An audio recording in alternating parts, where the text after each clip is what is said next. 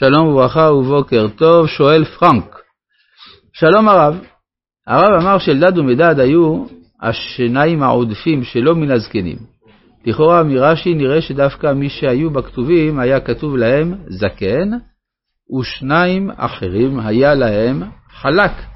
לא, זה נכון, זה לא סותר מה שאמרתי. Uh, תודה רבה ויום טוב. שואל עתניאל, שלום הרב, הרב ציין שכושן היה מבני מדיין, הוא מוכר, הוא מוזכר בבני קטורה. בספר בראשית לא מוזכר כושן ובני בבני קטורה, בני מדיין שמופיעים שם הם עיפה ואפר חנוך ואבידה ואלדאה, אך לא כושן. זה לא כוש שהיה מבני חם, תודה רבה. לא, אבל כושן, יש לנו גם אה, העולה כושן, כלומר שזה מהשבטים הערביים שהיו בסביבות מדיין. אז יכול להיות שגם אה, יש קשר או משפחתי או גיאוגרפי על כל פנים. עכשיו, יכול להיות גם כוש מבני חם, אי אפשר לדעת. עכשיו, אה, אנחנו אם כן בפרק אה, י"ב, בפסוק ל"ט, לא, סליחה, לא, פרק י"ב, פסוק א', סליחה. ותדבר מרים ואהרון במשה על אודות האישה הכושית אשר לקח, כי אישה כושית לקח. אז מה הטענה של אה, מרים ואהרון? הם אומרים, יש משהו לא בסדר עם הסיפור של האישה הכושית. מה לא בסדר? לפי חז"ל, שהאישה הכושית היא ציפורה, ושהוא פרש מן האישה. עכשיו, למה הוא פרש מן האישה? משום ואתה פה עמוד עמדי, שנאמר לו בהר סיני, שלא ישוב לעולו. עכשיו, למה זה ככה באמת? למה הקדוש ברוך הוא מצווה על משה לא, לא לשוב לעולו? בגלל שהוא עשוי להיכנס למצב של נבואה בכל רגע. הדיבור מתייחד אליו ללא הפסק, ללא התראה אפילו, ולכן הוא לא יכול להיות במצב שהוא חי חיי אישות בדיוק בשעה שהוא צריך להתנבא, ולכן הוא חורג מהרצוי אצל כל אדם שיחיה חיי אישות במסגרת משפחתו, במקרה הזה הוא חורג. אלא מה?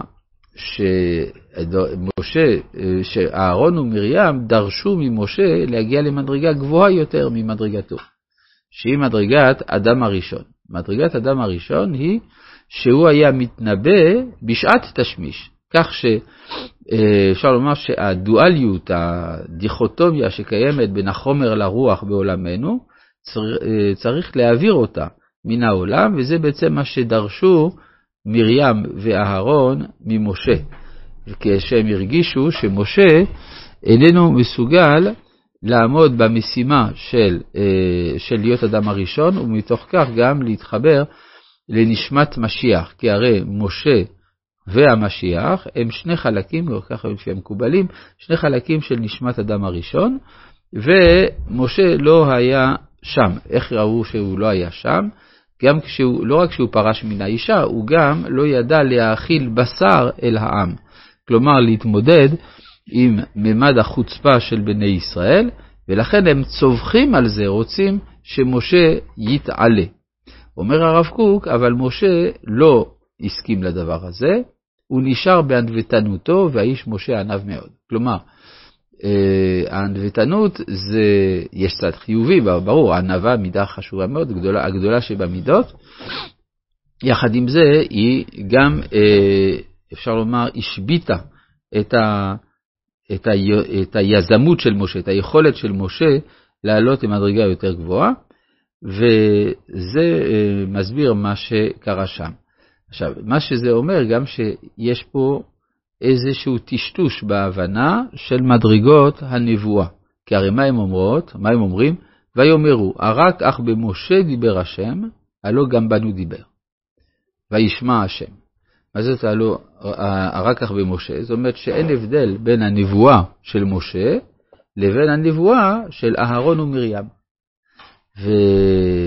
והרמב"ם הסביר שאחד מעיקרי האמונה, טוב, הם לא קראו את הרמב"ם, אבל אחד מעיקרי האמונה זה שנבואת משה היא שונה מהנבואה של כל שאר הנביאים, זה מה שנקרא אספקלריה המאירה. זה מבואר כאן בפרשה שלנו, וזה משתלב באופי הכללי של כל פרשת בעלותך, שעניינה לברר את המדרגות בתורה. כן? כמו אמרנו שספר במדבר הוא ספר המשברים, אז זה פה המשבר בהבנת התורה שמתברר כאן. והאיש משה... לא, לפי הפשט לא כתוב שפרש מאשתו. כן, אמרתי, כן, אתה צודק שלפי הפשט של חז"ל מדובר שהוא פרש מאשתו. עכשיו, זה נכון ששום דבר לא מחייב אותנו באופן מוחלט לומר שזה הכוונה של הכתוב, אתה צודק. מי זאת האישה הכושית? אז יכול להיות שזו אישה אחרת, לא ציפורה. כן, הרי משה, כשהוא מגיע למצרים, כדי להוציא את ישראל ממצרים, הוא כבר בן 80. מה הוא, מה הוא עשה בחיים שלו? יכול להיות שהיה לו גם עוד משפחה. התורה לא סיפרה לנו על זה. רק בדרך אגב, מספרים לנו כי אישה כושית לקח, והאישה הכושית הזאת כנראה לא מצא חן בעיני אהרון ומרים, או לא יודע בדיוק מה קרה שם. יש אה, ספר שנקרא חיי משה, שהאבן עזרא אומר לא לסמוך עליו. אבל שמה מספרים שמשה מלך בכוש, ושהוא לקח שם את, את אשתו של מלך כוש, או את ביתו של מלך כוש, זו האישה הכושית שמדובר עליה שם. הרי הייתה ממלכה בשם כוש מדרום למצרים באותם הימים. כן, יש, אולי נוסיף איזה פרט אה, חצי פיקנטי. אה, יש אה, מאמר שכתבתי אבל לא פרסמתי בנושא הדמות, אה, משה כדמות היסטורית במצרים. אבל זה פורסם גם, ב, זה נמצא בימי עיון בתנ"ך של מכללת הרצוג, אז אפשר להקליד ולמצוא שמה משה כדמות היסטורית. הרב אורי שרקי וכולי שמה. אז אני טוען על בסיס המדרשים והארכיאולוגיה, שאפשר לזהות איפה מוזכר משה בספרות המצרית של אותם הימים. עכשיו, מה שמעניין שמה, יש לו אישה שצבועה בשחור בציורי הקיר. היא לא כושית מצד הטיפוס, ה... הטיפוס הפיזי, הביולוגי, הגזעי, אבל היא צובעים את כל כולה בשחור, כאילו שהיא אישה כושית. זה מעניין, ואולי יש שם קשר לדבר. והאיש משה,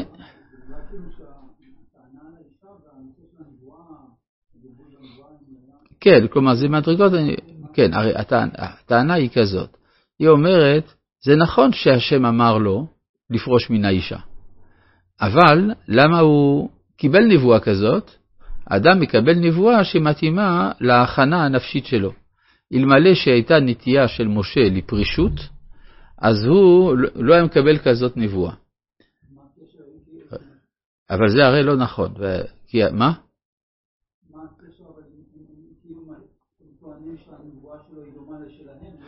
כן, עכשיו, כי אצל כל הנביאים זה באמת כך, יש אצל כל הנביאים הנבואה תואמת את. האישיות, המבנה הפסיכולוגי של אותו אדם. כן, אנחנו נביאים גם כן, הם אומרים, אהרון ומרים, אנחנו גם נביאים. ואצלנו הנבואה היא, הם מרגישים את זה, שהנבואה תואמת את האופי של האישיות. לכן יש להם טענה על משה. למה הוא פרש מן האישה? עכשיו, אבל אצל משה זה לא נכון. אצל משה הנבואה היא אובייקטיבית לחלוטין, זה לא קשור למבנה של האישיות שלו. מובן. אז לכן, זה ברור מה שאני אומר? טוב, מקווה. שהיא מה? מה הבעיה? כן, אבל התוכן של הנבואה, האם הוא תואם את המבנה של האישיות?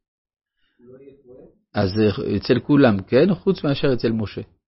זה בדיוק מה שהוא אומר, שכיוון שמשה הוא ענב מאוד, אז ענב מאוד, הכוונה שהוא לא מתערב בתוכן שניתן לו. התוכן שלו הוא מעבר לאישיותו. מובן? זה מה שזה אומר.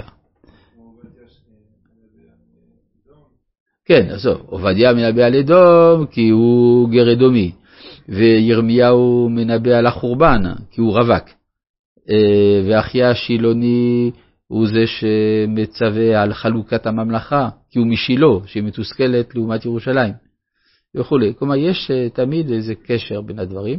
זה גם מסביר מדוע מלך ישראל שלח לחולדה נביאה כדי אה, לשאול מה יהיה, כי הוא חשש שאם הוא שולח לירמיהו, אז זה יהיה נבואה קשה, אבל אם זה אישה, אז אישה היא יותר רכה, אז הוא חשב שאצל חולדה הוא יקבל נבואה יותר טובה. שאנחנו רואים הרבה פעמים איזשהו קשר בין המבנה של האישיות לבין התוכן הרוחני שהוא מקבל. רבי חנן